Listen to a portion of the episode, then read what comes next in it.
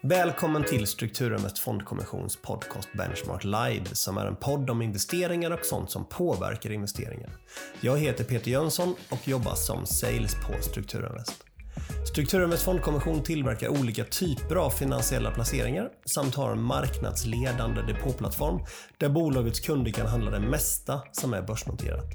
Strukturinvest har idag cirka 16 000 kunder som tillsammans har ungefär 17 miljarder kronor på sina depåer hos bolaget.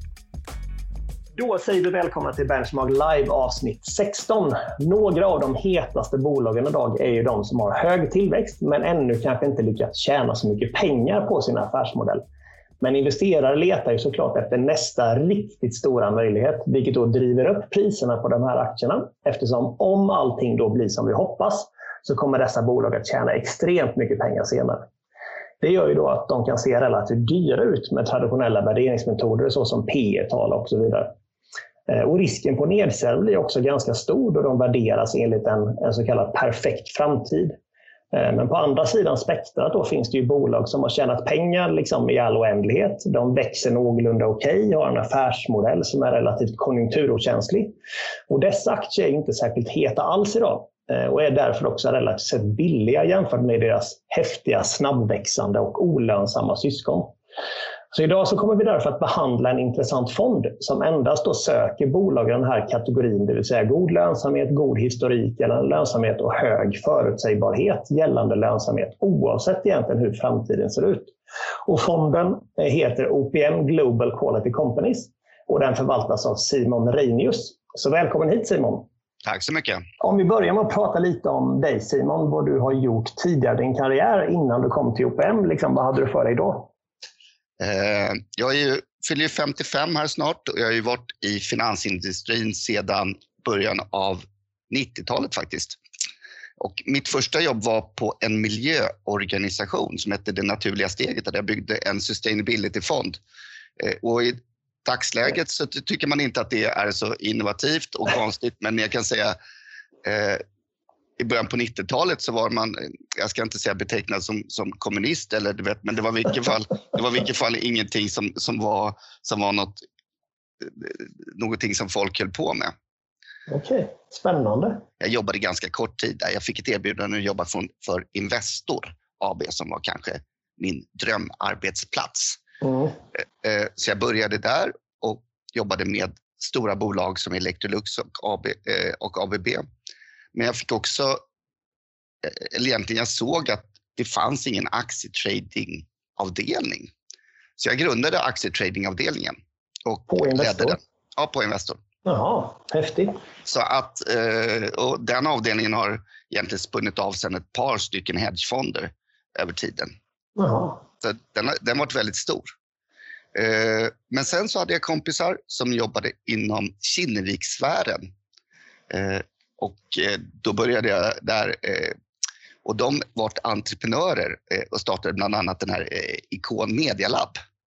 Mm. Erik Wikström och Johan Stahl och mm. sådana. Det var vänner till mig. Så då kände jag att, att man borde nog bli entreprenör istället. Så jag hoppade av där 98, 99 och startade ett bolag som hette Speed Ventures. Och, så då jobbade jag med venture capital-investeringar inom IT.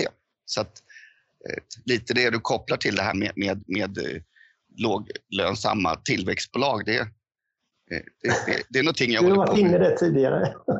Ja, och, och, det där gick ju väldigt fort ungefär som nu. Så att vi hade ju om vi hade tio kontor tror jag, på piken. Vi, vi, fick in ungefär 100 miljoner dollar av investerare som Goldman Sachs och Charterhouse.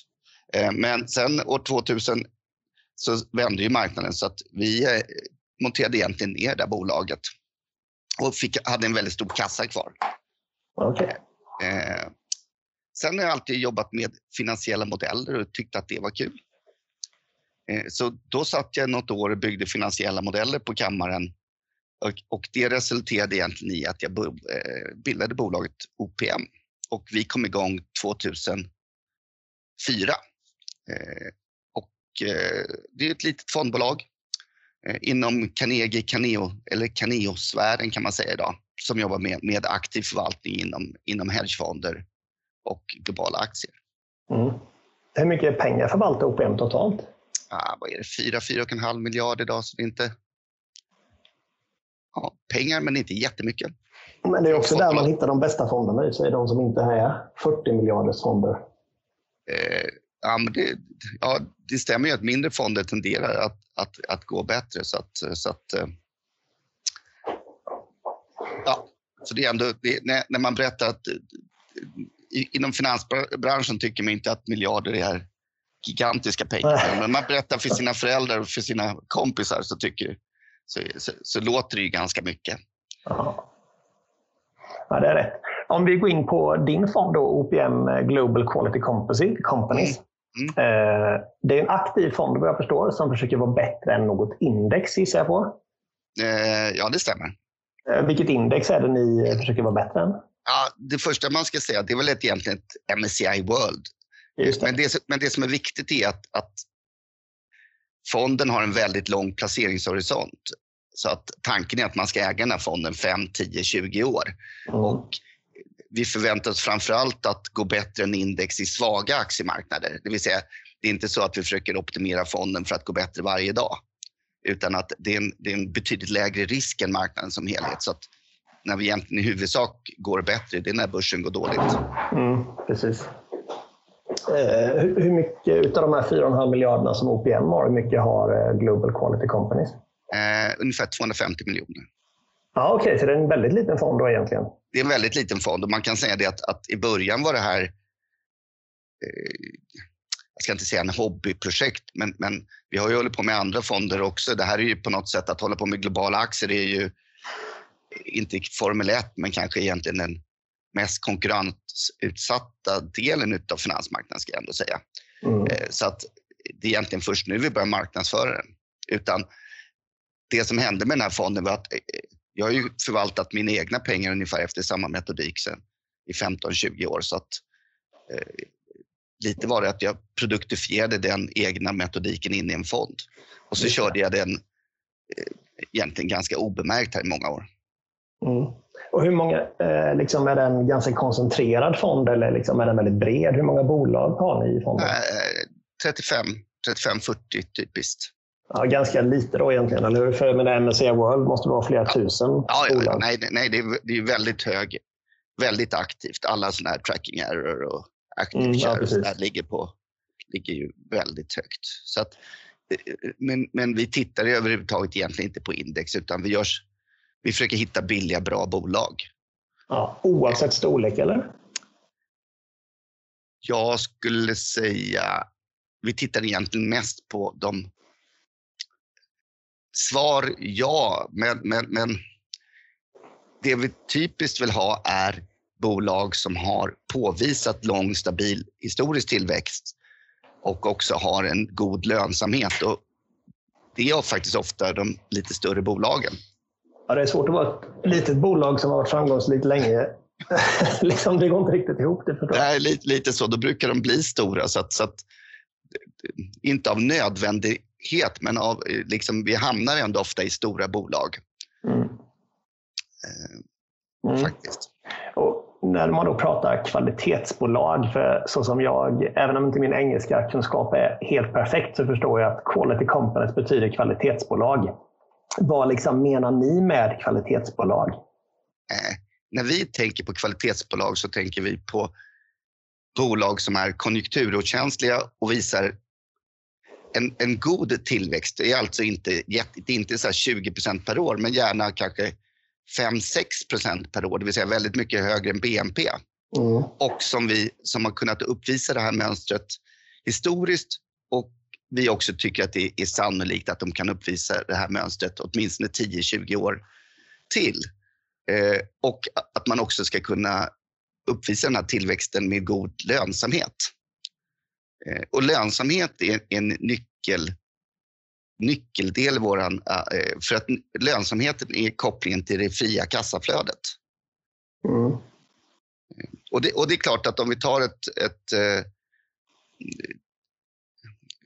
Porter är, är, är någonting som man talar om inom, inom management consulting och för den delen inom finansindustrin som talar om vad man har för förhandlingskraft gentemot sina motparter. Mm. Och, och, idag är det många av de här stora globalbolagen som är egentligen nästan agerar på någon slags oligopolmarknad och det gör att de kan ofta bibehålla en god hög lönsamhet över lång period. Just det, även, även om det kommer in liksom fräscha konkurrenter så har jo, de men, så mycket power, liksom, eller vad menar du? Ja, men ta exempelvis Atlas Copco som har ju en jättestark eh, position på många av sina produktlinjer. Mm. Det spelar egentligen inte någon roll om det kommer någon ny aktör, exempelvis från Kina, som är... De kan inte producera billigare för Atlas Copco kan placera eh, fabriker bredvid och Atlas Copco har en mycket bättre teknikstart. Mm. Eh, kunderna känner sig mer trygga så man kan ta lite mer betalt och man har en bättre service och man har en bättre du vet, kontinuitet. Så det är väldigt svårt för någon konkurrent att egentligen... De kan alltid ta lite bättre betalt och kunderna är nöjda med det. Eh, jämför det mot exempelvis en e-commerce-lösning. Om du kan köpa ett par Nike-skor på två olika ställen. Det är ju samma produkt, så du kommer bara välja det billigaste. Det gör att lönsamheten i en sån industri per definition kommer att bli väldigt låg. För eh, den, den som agerar där har väldigt lågt förhandling, eh, väldigt svag förhandlingsposition, eh, förhandlingsposition mot kunden. Mm, precis. Måste bolagen i äger tjäna pengar? Ja. Alltid eller? Så menar, jag kan tänka mig att nu under pandemin finns det en del, kanske, det får du rätta mig då, men om det finns en del liksom, så att säga, kvalitetsbolag som rätt vad det var inte tjänar pengar. Nej, Kastar man ut dem då eller, nej, eller nej, behåller man dem? Nej, det är en anomali. Eh, det är sant. Utan man behöver inte... Man kan absolut i en chock. Jag menar, vi hade ju både... Eh, vi både investerade i Walt Disney och Booking som ju mm. var väldigt, som är väldigt involverade i besöksnäring. Eh, mm. och de tappade ju väldigt stora delar av sin vinst, även om båda går med plus mm. Eh, under den här perioden. Men det är okej. Okay. Men vi, vi har inte varit investerade i, i saker, utan, utan jag tror säkert att det kan vara bra, eh, sådana bolag kan vara bra, men den här fonden tar, satsar på trygghet. Just det. det vill säga, om man, äger, om man äger den här fonden över tio år, då ska man tusan inte förlora pengar. Och, och, och, då, då, och det finns andra fonder som är bättre på att välja sådana bolag än, än, än, än vad vi är. Mm. Om, om man tänker tvärtom då, eh, det vill säga kan du nämna några bolag som absolut inte är kvalitetsbolag så att de som lyssnar får en uppfattning om liksom vad ni verkligen försöker undvika? Ja, i grund och botten, om man ska bara titta på, på, på, på det finns fyra faktorer som vi vill ha. Så då kan man tänka att vi vill ha tillväxt som är lite högre än BNP. Alltså om BNP växer kanske realt 2% så vill vi att våra hjärnor ska växa lite mer. Mm. Eh, vi vill ha en lönsamhet som är god. Och anledningen till att vi vill ha god lönsamhet är att det styr det fria kassaflödet. Eh, så att, så att, och det, vi är extremfundamentalister när vi värderar bolag.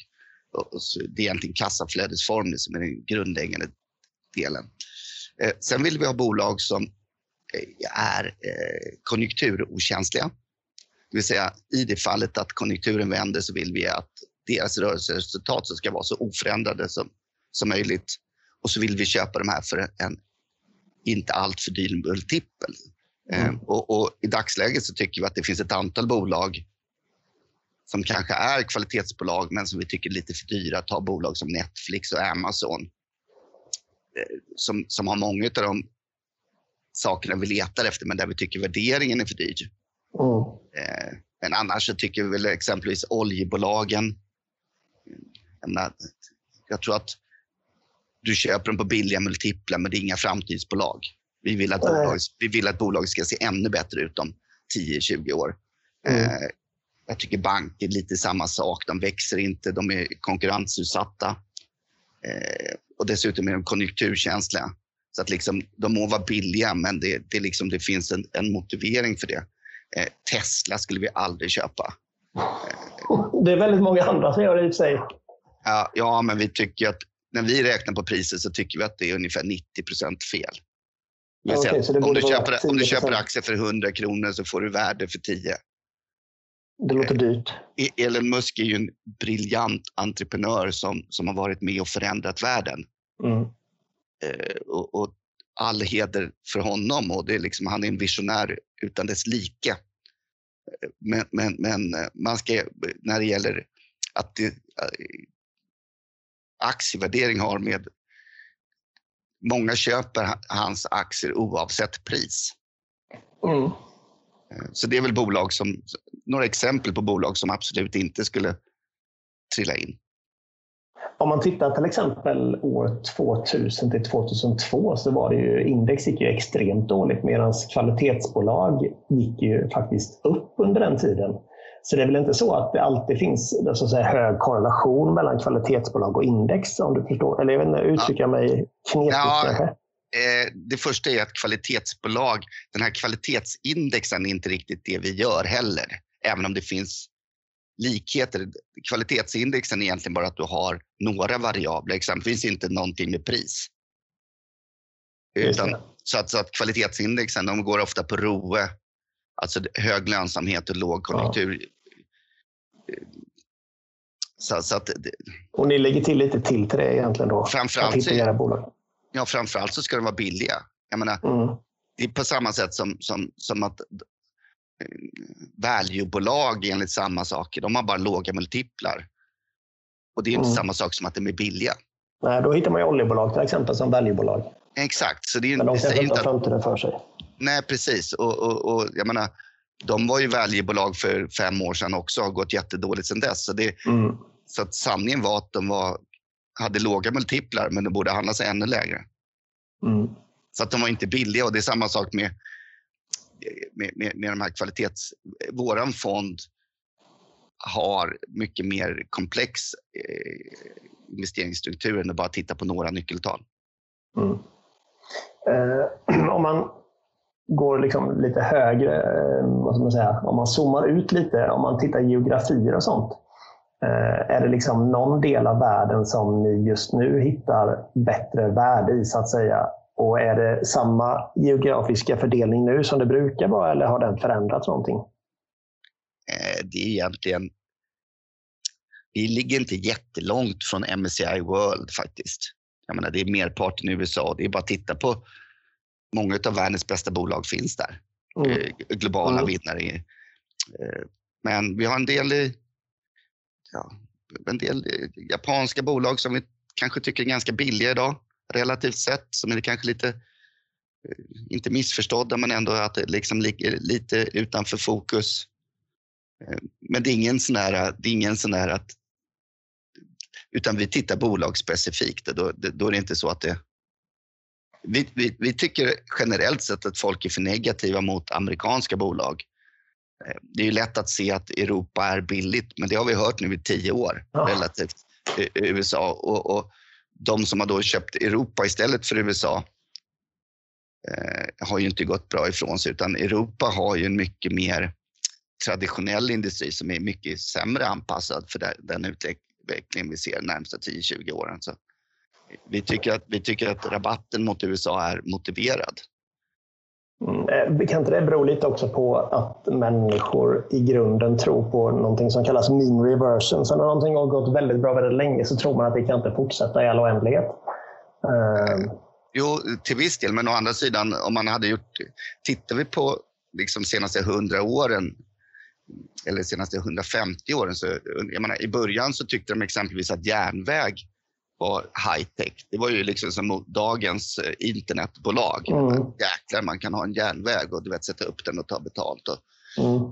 Bilindustrin på 60-70-talet där var ju en sån här, du vet, tänk att man kan köpa en bil och det var ju extremt stor del av marknadsvärdet. Sen hade vi oljebolagen som var extremt mycket värda och sen har vi bankerna som var extremt mycket värda etc. Och sen har vi, så att, så att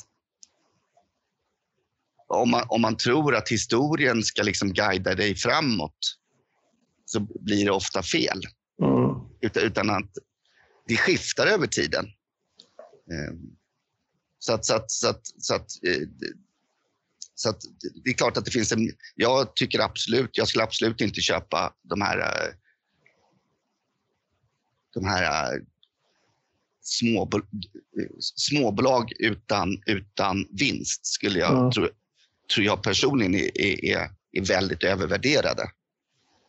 Mm. Men, jag, men jag tycker inte att bolag som, som Microsoft eller Apple eller, eller Alphabet är övervärderade. Utan jag menar, man handlar över typ 30-35 gånger vinsten av dem. tycker inte jag är orimligt. Det låter ju högt, alltså 30-35 i P tal Vad är historiskt snitt på börsen som helhet? Eh, tittar vi på S&P 500 som jag kan då, så har den de senaste 50 åren ungefär haft P18 i snitt. Mm. Så det är dubbelt så mycket då kan man säga? Ja, men, men tittar vi på börs, tittar vi på S&P 500 i snitt idag så hamnar den ungefär på P22. Om man tittar mm. på P-forward 21 där någonstans. Mm. Så, att, så att liksom vi ligger lite högre än historiskt, eh, men, men, inte så mycket. Och då ska man ändå beakta att räntorna är kanske 3 real, realräntan är ungefär 3% lägre än historiskt. Mm. Skulle du titta på Fed-modellen skulle egentligen börsen kunna vara uppe i P100 för att det skulle finnas balans. Mm. Så, så, att, så att, Vi kanske kommer dit, vem vet? Eh, jag är ju mycket mer optimistisk om aktier än vad många är. Eh, jag tror ju att riskpremien på aktier, i det fallet att räntorna fortsätter kommer ligga lågt mm. och konjunkturen inte vänder, vilket är någon form av konsensusuppfattning skulle jag säga idag, så tror jag att det är god sannolikhet att det blir väldigt stark börs många år till. Eh, jag menar, enligt våra prognoser så ligger det underliggande avkastning ungefär på aktier idag på 6 mm. Och du kan tänka egentligen ett inverterat P tal som kanske ligger på 4-5 plus en tillväxt. Eh, du kan inte riktigt betala ut hela P talet utan då ligger det ungefär på, för du behöver behålla lite kapital i bolaget. Men då har du ungefär ett, ett underliggande kan man säga, driv i aktier på 6 eh, Tittar vi då på, på det här över fem år så skulle det ge alltså 6% per år, det är 30 ungefär. Eh, om, om, om, om, om eh, multiplarna i snitt skulle gå från typ 22 säger vi idag på S&P 500 till 33, då har du i stort sett dubblat pengarna över fem år. Mm. Eh, och jag, tycker, jag tror det är ett, mm, ett helt rimligt scenario som är mycket mer sannolikt än vad många andra tror. Mm. Och det, det baserar du egentligen på att räntorna behålls låga såklart? Ja, i det fallet att precis. Om, om, om um, i det fallet att räntorna skulle gå upp 2, 3 ja då skulle, vi inte, då skulle vi kanske snarare P-talet gå till 18 igen. Då. Säg att mm. räntorna skulle gå upp till 4 mm.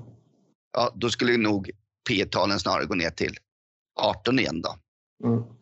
Eh, men även om det går ner till 18 för 22, vad är det? Det är 20 procent va? Mm. Då ser vi att över fem år så hade vi så hade vi 30 procent som kom från underliggande, underliggande driften och så tappar vi 20 procent. Ja, då har vi ändå över fem år ligger lite plus. Ja, precis. Så att liksom, även i ett sånt scenario, samtidigt som om du har tio års duration på dina obligationer, då har du ingen uppsida och tappat 20-30 procent. Mm. 30 procent om du, mm, ja, beroende, beroende på hur du rullar durationen. Ja. Nej, men så är det ju. Det är, många tror att obligationer är riskfritt, men det är det ju sannerligen inte när räntan är noll eller till och med negativ. Eh, nej, min uppfattning är ju att, att folk generellt tycker att har helt felaktigt eller, eller tycker att aktier är mer riskfyllda än vad de faktiskt är. Mm. Eh, att äga aktier över 10-20 år är en extremt låg risk. Jag menar, medan att äga obligationer idag över 10-20 år är en väldigt hög risk. Mm, precis. Så, ja, verkligen. Så, så, så, att, så, att, så att är man långsiktig så, så, är inte, så är inte aktier en riskfri tillgång. Tvärtom, det är en låg risk för att den är ett, även ett inflationsskydd i. Kan det vara så att statsobligationer, framförallt kanske i Europa, är den största bubblan just nu? Jag skulle säga det att, att, att eh, under Eh, jag tror ju att den här, man brukar ju prata om tulpanerna, men, men jag skulle säga det att det var ju ändå en väldigt nischad mm.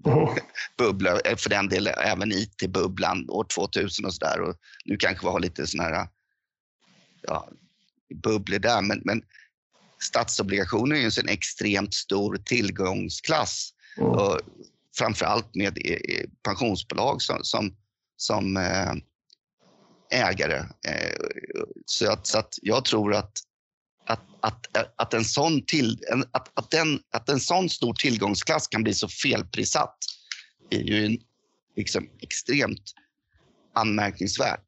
Eller i vilket fall ändrat prissatt mot historien. Om jag, om jag hade varit förvaltare för en sån global fond som ni ändå har. Mm. Jag vet liksom inte var jag hade börjat. Var, liksom, det måste finnas någon Finns det någon screeningsmodell ni har som liksom sållar bort det som ni absolut inte kommer att vara intresserade av? Och som ni sen liksom har ett lite mindre urval och börjar värdera egentligen? Eller hur, hur funkar det? Nej, men det, det är bra, bra fråga. Nej, men absolut. Jag menar, vi har lite olika sätt att leta bolag. Dels så har jag väldigt mycket kontakter fortfarande i hedgefondbranschen, så jag brukar fråga dem vilka, vilka bolag tror ni är de absoluta vinnarna om 10-20 år? Mm. Eh, och det ger oss vissa insikter, för då liksom får man vilka affärsmodeller som är uthålliga. Sen tittar vi också på egentligen alla bolag. Eh, vi tittar på, löns vi tittar på topline-tillväxt de senaste fem åren. Vi tittar aldrig på EPS-tillväxt. Eh, Men det, bara så att alla förstår, vad är skillnaden där? Jo, eh, EPS det är earning per share. Det är alltså vinstutveckling på, per aktie. Yep. Eh, och den påverkas framför allt av lönsamheten. Så att om lönsamheten går upp så, så, så, så ser det talet bra ut. Eh, Medan försäljningstillväxten, det, det är ju hur mycket man säljer varje år. Och det gör det att om vi tittar typ 20 år framåt så kan försäljningen fortsätta med, en, med liksom ett, ett tal. Men, men lönsamheten kommer inte liksom, du kan inte extrapolera den, den faktorn. Eh, så att det vi tittar på efter är, är försäljningstillväxt. Precis. Och så tittar vi efter god lönsamhet. Eh, och så tittar vi efter låg konjunkturkänslighet och den mäter vi på lite olika sätt. Dels vi tittar på belåning, men vi tittar inte med, det stället som ger mest utslag i våra analyser är hur den har klarat lågkonjunkturer och kriser. Det vill säga exempelvis hur utvecklades resultatet för bolaget 2008-2009? Mm. Eh, och då vill ni gärna se såklart att det bolaget hade en god, eller någorlunda god lönsamhet även sådana krisår. Ja, men tittar vi på snittet i vår portfölj så förlorade, så gick inte vinsten ner 2008 mm. eller 2009. Medan den för MSA World gick ner typ 30-40 procent. Mm, så, så våra, vår, snittbolaget vi har är extremt konjunkturkänsligt. Och vad är det för typ av, alltså vilka branscher hittar man de här bolagen i? Är det typ läkemedel, inte vet jag, telekom, dagligvaruhandel ja, kanske? Ja, jag menar, jag menar läkemedel. Vi har Unilever, ett stort bolag. Eh, inte, inte läkemedel, men alltså stapelvaror. Eller, ja, precis. Eh, ett stort innehav. Roche, ett stort innehav på, på läkemedelssidan. Walt Disney eh, har vi talat om. Jag menar, idag börjar de mer och mer egentligen gå över mot content och, och ja, eh, den typen eh, med Netflix-modellen. Mm. Eh, vi har en del, några, vi har några IT-bolag, men då har vi de egentligen som har hållit, som har hållit på väldigt många år, typ som Microsoft och, och, och Apple och, och, Alphabet. Men jag menar, det här är ju inga nya bolag idag, utan det är bolag som växer 5-6 procent per år. Eh, men stabilt. Mm. Eh, menar, vi har egentligen, vi håller på att gå in, vi har ett svenskt bolag eller vi håller på att precis gå in i det, Essity. Okay. Ja, just det. Är det det enda svenska ni äger? Det är det enda, just nu äger vi inget, men vi håller precis på eh, köpa? Ja, vi håller på att öka den. Vi har, mm. Så, så det, är ett, det är ett innehav som vi har, som vi har nu, som vi, som vi tror på. Det där är väl ett väldigt, bara för att förklara det med konjunkturokänslighet, kan inte du bara förklara liksom, för de lyssnarna vi har varför SCT är konjunkturokänsligt och hur man, liksom, hur man får in det i den modellen? Nej, men de säljer ju huvudsakligen pappersprodukter och blöjor och den typen av den typen av, den typen av saker. Det är klart att det spelar ingen roll om konjunkturen går ner eller upp. Man köper lika mycket. Mm. Så att, så, att, så att, det gör att bolaget är väldigt opåverkat. Eh, och de har också, jag tycker det är ett bra exempel på ett kvalitetsbolag. De har en stark, eh, stark marknadsposition. Det finns, ett, finns inte jättemånga bolag som är stora i, i liksom, inom den sektorn i, i, världen och de är en av de större. Mm. Eh, och håller en bra lönsamhet. Och, och, och, och, jag menar, att äga det där bolaget över tio år skulle jag säga är nollrisk. Mm. Eh, jag skulle säga att det är helt rimligt att tro att man dubblar pengarna på 10-12 år. Eh, och jag skulle säga att risken att förlora pengar över 10 år är minimal på ett sådant bolag. Och det, det, det är ett bra exempel på ett bolag som vi tycker man ska ha i sin långsiktiga portfölj. Jag menar, enligt vår prognos så tycker vi att våra bolag kanske borde åtminstone dubblas var tionde år. Men det blir ju dubbla pengarna på 10 år, fyra gånger på 20 år och åtta gånger på 30 år. Mm. Kan man säga att er fond är ingenting för de som vill bli rika snabbt, men de som vill bli rika med hög sannolikhet på lång sikt? Det kan man säga, men, men det som det blir... Jag skulle säga att de som vill bli rika snabbt, i, snabbt i, i snitt blir fattiga snabbt. men, men, men visst, visst, visst passar det inte folk som, har, som vill ta hög risk och, och tjäna pengar på några månader. Det passar den absolut inte för. Men det är faktiskt så att den här typen av bolag lågriskbolag, det är många akademiska studier som har påvisat att den här faktiskt går bättre över en konjunkturcykel än, än högriskbolag. Mm. Så att man får både låg risk och högre avkastning. Så tittar vi om 20, 10 år och 20 år så tror jag att de här bolagen kommer att ha gått väldigt mycket bättre eh, än många av de här bolagen och med väldigt låg risk. Så att, mm. så att, eh, så att, men, men, det är klart att om man, om man vill ha ett bett på en månad, ja, då är det här ingen fond. Nej, men precis. precis. Det är, men det är väldigt bra fond för de som kanske vill köpa en fond och inte behöva bry sig så mycket om den de kommande tio åren. Medan vissa andra liksom häftiga säg, teknikfonder eller vad som helst måste man ju kolla på ganska mycket för att liksom inte vakna upp en dag det är minus 70 procent. Det här, ja, jag skulle säga att jag har ju jag menar, den här fonden kom ju till för egentligen som jag investerade själv. Mm. Eh, och jag har ju merparten av mina pensionspengar att sätta i, i det här. Och jag tror att många andra också egentligen har en lång placeringshorisont och vill, inte vill tjäna du vet, 20% eller 50% på en månad utan tänker sig att men kan jag göra fyra gånger pengarna på 20 år så är väl det kanon. Mm. Eh, ja, ja. Med, med, med, med, låg risk. Finns det, om liksom, finns det något drömbolag som du längtar efter att äga om bara prislappen hade blivit bättre? Alltså vad är liksom, ja, jag fattar. Ett bolag som, som vi allt, aldrig, två bolag som vi aldrig ägt men alltid älskat, det är Amazon och Netflix. Ja, okay. Eh, vi har alltid tyckt att de har varit för dyra och har liksom um, men, men där vi bara, kan vi bara konstatera att vi har varit för, för, för, vi har varit för pessimistiska i våra långsiktiga prognoser om man så säger. Utan de har ju mm. levererat. Mm. Eh, så multiplarna ser faktiskt bättre ut idag trots att de har gått jättebra än vad de gjorde för typ fem år sedan. Ja, men precis. Amazon har nästan 200 i P ett tag tror jag. Ja, precis. Och det är liksom, och, och, så det är väl en sån här där vi själva rannsakar oss själva hur vi ska liksom inte missa ett sånt bolag igen. För vi kunde ju se mycket av det som var bra, men vi, vi kunde bara inte köpa den för de prislapparna. Nej.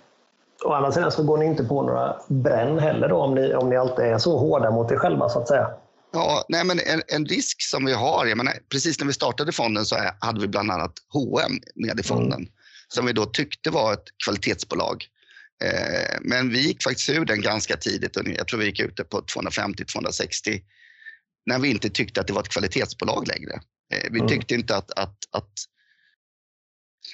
vi följer alla bolag och så tittar vi på, ja, men på försäljningstillväxt, vi tittar på lönsamhet, vi tittar på, på allting. Och, och, när vi ändå sammantaget tittade på affärsmodellen så tyckte vi inte att, så tyckte vi inte att det var ett, att den hade framtiden för sig. Vi tänkte inte att det här skulle vara ett bolag som skulle vara som var tydligt väldigt framgångsrikt om 10-20 år och då gick vi ut. Så, att, så att det gäller hela tiden att ifrågasätta bolagen och positionen vart de är om 10-20 år. För att det man ska veta när man håller på med, med fundamental värdering av aktier så som vi gör, det är att 80 till 90 procent av ett bolags fria kassaflöden eh, eller eh, utav värdet hos ett bolag ligger i fria kassaflöden som är mer än 10 år bort. Mm. Så att det innebär att det viktiga när vi tittar på bolagen, det är inte att fundera på vart de ska vara 2022 eller 2023, utan det är 2033. Det är liksom, vart tror vi, hur tror vi bolaget ser ut då? Mm.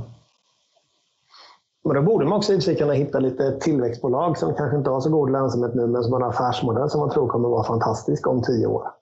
Eh, absolut, men det, problematiken är att det ofta finns jättemånga. Ja. Säg att vi skulle ta ett, ett, ett, ett litet svenskt bolag som har lyckats klara oss på den svenska marknaden. Först måste vi fatta att det är en, att det är en affärsmodell som kan vara lönsam. Eh, men sen så måste bolaget ta sig globalt. Och, och vi har ju, jag, menar, jag tycker både Spotify och Klarna är ju extremt goda exempel på svenska bolag som har lyckats med det. Mm. Men, men, det är ändå undantagsvis så. De allra mm. flesta har svårt att, att ta sig vidare. Mm. De, de flesta lyckas ju inte så bra som Spotify. Nej, och, och, det, och, det, är klart att jag har full respekt för de som hittar de vinnarna. Men, men, men jag tror också det att man måste liksom... Eh, vi har hittat vår nisch eh, mm. där vi hittar bolag som är trygga. Eh, mm. Och, och, och, Jag tror att den här fonden ska man ha det här är, en sån här, det här är, det här är den första fonden som jag du vet, rekommenderar till kompisar och till, för, till föräldrar. För det är liksom det är låg risk. Jag menar, mm. Äger man den här 10-20 år så kommer det bli rätt okej. Okay. jag tror vi aldrig kommer bli bäst på att hitta de där vinnarna på du vet, de där som gör 10-20 gånger pengarna. Eh, utan, utan, utan, jag tycker också att sånt är spännande och jag investerar lite i sådana case själv också för jag tycker mm. att det är mm. kul. Eh, men det betyder inte att de passar in i den här fonden. Nej, nej. nej precis.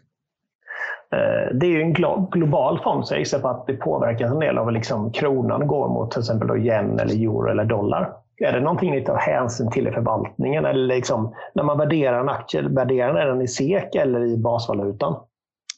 Värderar den egentligen alltid i basvalutan, men det är ju faktiskt så att, att om man, är, om man äger någonting över 10-20 år så spelar inte valutarörelse så stor roll. Eh, om exempelvis en, eh, ta amerikanska dollarn, om, om den försvagas då är det klart att du får ett, eh, en, att kursen går ner i SEK som då den här fonden mm. mäts i. Mm. Det är också så att de här exportbolagen blir mycket mer konkurrenskraftiga. Så mm. egentligen är det gynnsamt för affärsmodellerna. Precis, så, de tjänar så, mer pengar. Så, så, låt säga att du, så, så låt oss säga att du tappar 10% på valutan, då faktiskt så underliggande värdet på bolaget kanske går upp 20% även om det inte sker dag ett. Så att, mm, det är större problem då om, om SEK går ner kraftigt och andra valutor går upp mer, gissar jag på. Eh, det, det, För det blir tvärtom då egentligen? Ja, det kan man säga, men, men, men, men samtidigt så tenderar då kronan att vara svag när det är kris. Eh, mm. vilket då gynnar en sån här fond för att ofta har man också svenska tillgångar. Så att, så att, eh, så att vi följer valutan. Och, och, det är klart att när dollarn stod i sex eller du vet någon sån där, då, det vi kan säga om, om, om valutorna är väldigt långt ifrån något slags medelvärde, mm. då håller vi utkik på det. Men, men, Just det, du ser det som ett köptillfälle. Ja, för ja, 100, säg att Disney kostar 100 dollar och så går dollarn ner till eh, liksom 6 istället för 8. Då är det ju väldigt mycket billigare att köpa Disney nu än det var på 8. Exakt, och speciellt på lokal... still då. Och, och, då ska man ju framförallt försöka köpa lokala bolag eh, mm. eh, för export etc. etc. eftersom så att, så att mm.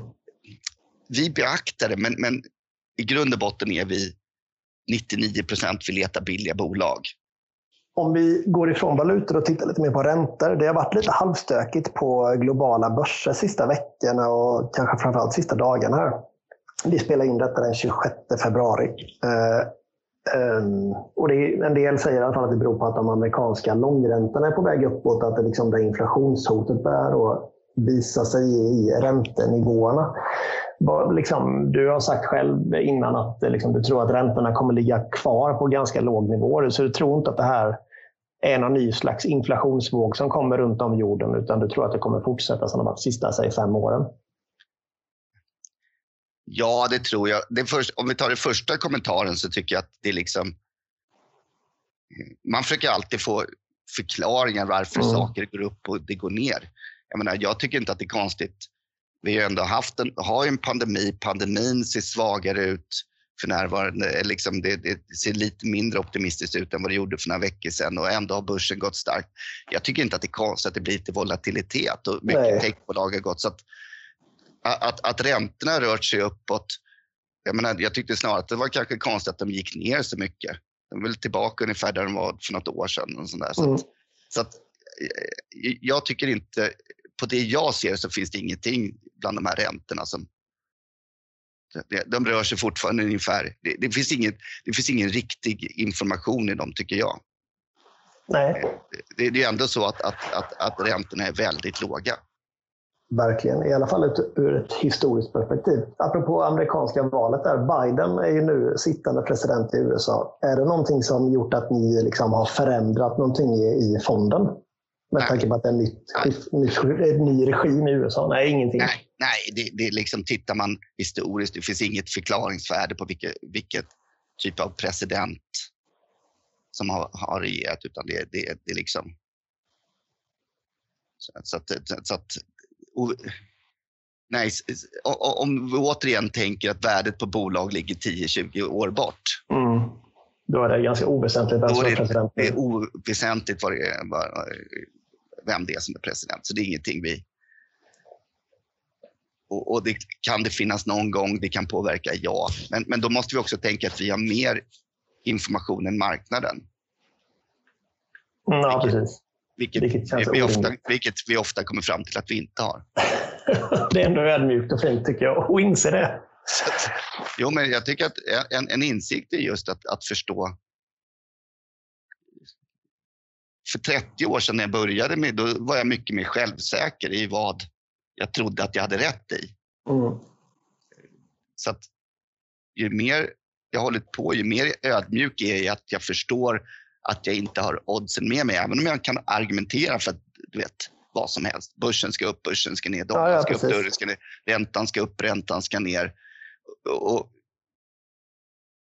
jag hade en mycket större tilltro till att bara för att det lät bra, att jag liksom resonerade, så att det ändå var att jag hade någon slags edge i det. Men, men, men, men, men eh, stor del av den investeringsfilosofin jag har är att, att det finns många saker där du helt enkelt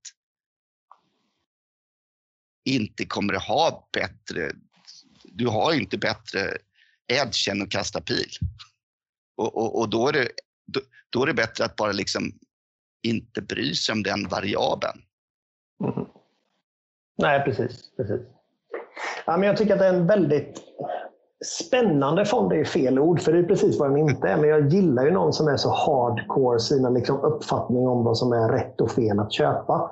Det ska vara bolag som är konjunkturokänsliga, bolag som tjänar pengar över lång tid, eh, inte är några flugor och har rätt pris.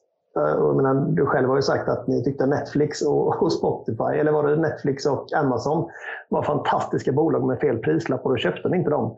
Jag tycker det är härligt. Det känns som att det är väldigt få fonder där ute som ändå är så hardcore som ni är. Jo, men jag tycker också det att men ta ett bolag som, som, som, som, som, ändå, eh, som ändå är rätt kul bolag, typ Garmin. Mm. De växer du vet, 10 topline, eh, har gjort senaste åren. Jättebra, inget konjunkturkänsligt. Så du vet, den där köper man på 22-23 gånger vinsten. Mm. Eh, obelånat. Jag menar, så att det finns bolag där ute som, som, som liksom är som är bra bolag och billiga, liksom, men som inte ligger precis i den här... Eh, som inte liksom är hett. Nej, precis. precis. Eh, så att, så att det är som de här, vissa av de här speltillverkarna som vi tycker också är det, där det finns väldigt liten risken att, att nästa spelgeneration etc. Blir, blir inte lika bra är väldigt hög. Och den typen av spelbolag handlas väldigt högt idag, men Sony handlas ganska billigt. Mm. Och då, har du äger plattformen till exempel? Då äger du plattformen och de har ju, de har ju, då, de har ju både de och Nintendo har ett antal egna spel etc. och en plattform. Och jag menar, den typen av bolag idag värderas inte eh, speciellt högt. Medan vissa spe, enskilda spel värderas jättehögt. Jag känner att vi har gått igenom det som eh, eh, våra lyssnare är intresserade av gällande dig och din fond. Känner du att det är någonting vi har glömt att beröra? Nej, inte vad jag kan det var en ganska djuplodad eh, genomgång tycker jag av den här fonden. Eh, ska, ska vi säga bara en sista sak som jag ändå mm. tycker är intressant. Att vi har konstaterat att, att nyckeltalen, att det är mycket bättre tillväxt och mycket bättre fria kassaflöden eller mycket mer lönsamhet. Men, men, eh, och att den är, inte hade någon egentligen direkt konjunkturkänslighet Tittar vi på underliggande resultat, bolagens resultat 2008-2009 så var det exempelvis positivt när MSCI World tappade 30-40 procent av eh, sin, sin vinst. Ehm, och man skulle kunna tro då att den här portföljen handlas dyrt. Jag menar, vi har ju nämnt bolag som Apple och som eh, du vet, eh, ja, bolag som folk kanske känner. Ja, men den där ja, borde heta det. Ändå så faktiskt handlas den här portföljen utan multipel.